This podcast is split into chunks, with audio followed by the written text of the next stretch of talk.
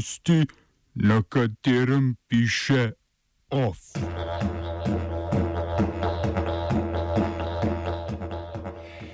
V ZDA zabeleženih 4500 pritožb o spolnih zlorabah in nadlegovanih otrok v migranskih centrih. Združeni narodi preizkujejo lastne preiskave. V Nigeriji na predsedniških volitvah ponovno zmagal Muhammadu Buhari. Okoljski minister Jure Leben zaradi afere drugega tira ponudil odstop.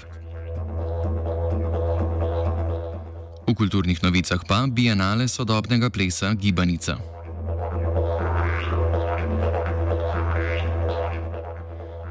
Ameriško ministrstvo za zdravje in človeške vire je zabeležilo več kot 4500 pritožb spolnih zlorab in nadlegovanj migranskih otrok v centrih, ki jih financira ameriška vlada.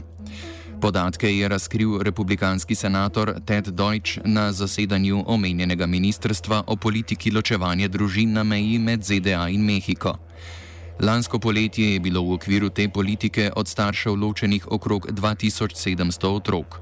Otroci, ki so bili ločeni od staršev ali so mejo prečkali brez njihovega spremstva, so bili nameščeni v zasebna zavetišča, ki imajo z ameriško vlado sklenjeno pogodbo o opravljanju storitve.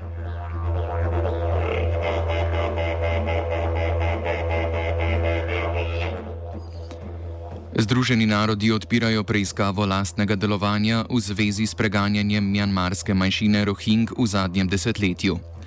Številne kritike Združene narode namreč obtožujejo, da naj bi ti ignorirali znake vse bolj rastočega nasilja, ki je privedlo do etničnega čiščenja, denimo notranje sporočilo generalnemu sekretarju Združenih narodov Antoniju Guterresu, poslano le nekaj mesecev pred vojaškim napadom na Rohinge, ki je delovanje Združenih narodov v Mjanmaru opisalo kot v oči bijoče nefunkcionalno. Nova raziskava naj sicer ne bi bila operjena proti posameznikom v Združenih narodih, temveč v iskanje notranje strukturnih težav organizacije kot take.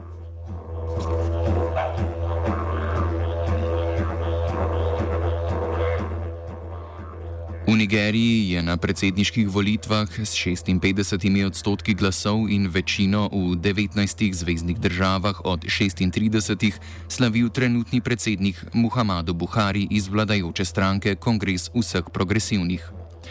Z 41 odstotki mu je sledil Atiku Abu Bakar iz Ljudske demokratične stranke. Volilna udeležba je bila 35 odstotna. Abu Bakar je že izjavil, da so rezultati posledica volilne prevare. Nekatera volišča so se odprla zakasnjeno, nekatera pa so bila odprta še v nedeljo. Volitve so bile prejšnji teden na dan napovedanih volitev zaradi logističnih težav zakasnjene za teden dni. Pred volitvami je Buhari suspendiral vrhovnega sodnika Walterja Onogena, ki bi v primeru obtožbe oziroma pritožbe razsojal o volilnih rezultatih.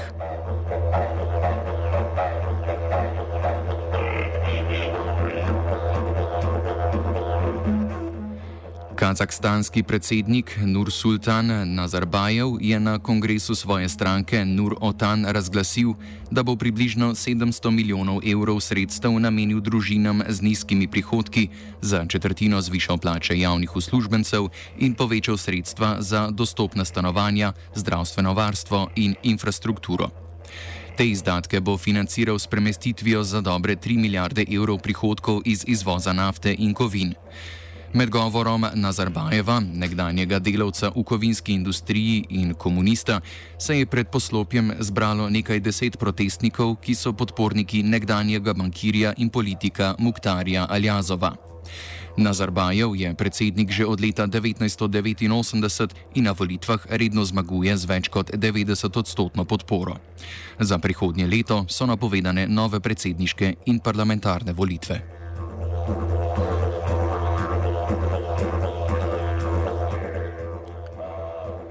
Izraelska policija je v racijah na okupiranem vzhodnem Jeruzalemu aretirala 21 palestincev, večino članov Fataha, med njimi palestinskega guvernerja Jeruzalema Adnana Gajta.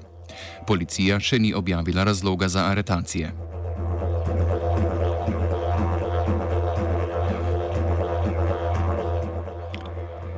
Znani so rezultati referenduma, ki se je odvil v mehiških zvezdnih državah Morelos, Puebla in Tlaxcala. Prebivalci so glasovali o nadaljevanju projekta, ki vključuje izgradnjo termoelektrarne, naftovoda in akvedukta v zvezdni državi Morelos. Projekt naj bi dobil skoraj 60-odstotno podporo.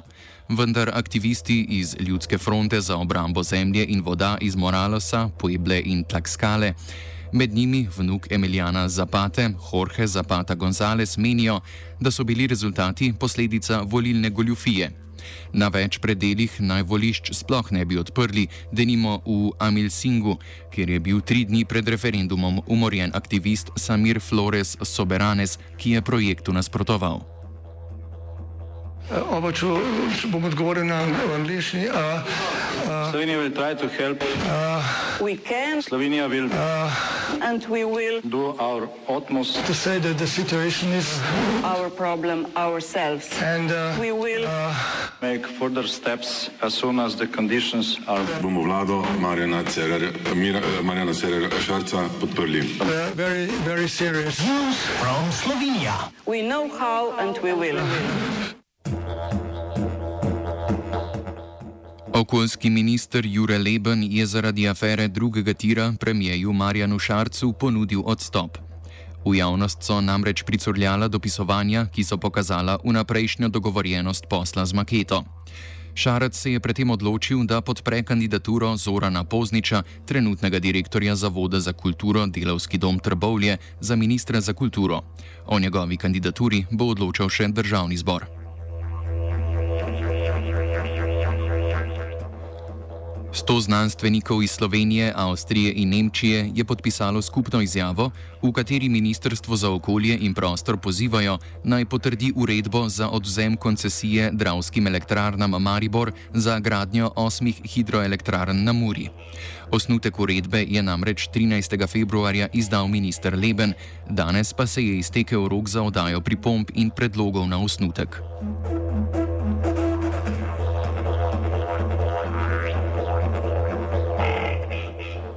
Slovenska fundacija za trajnostni razvoj Umanotera je objavila poročilo z naslovom Energetsko intenzivna industrija v Sloveniji, poraba energije, dodana vrednost delovna mesta.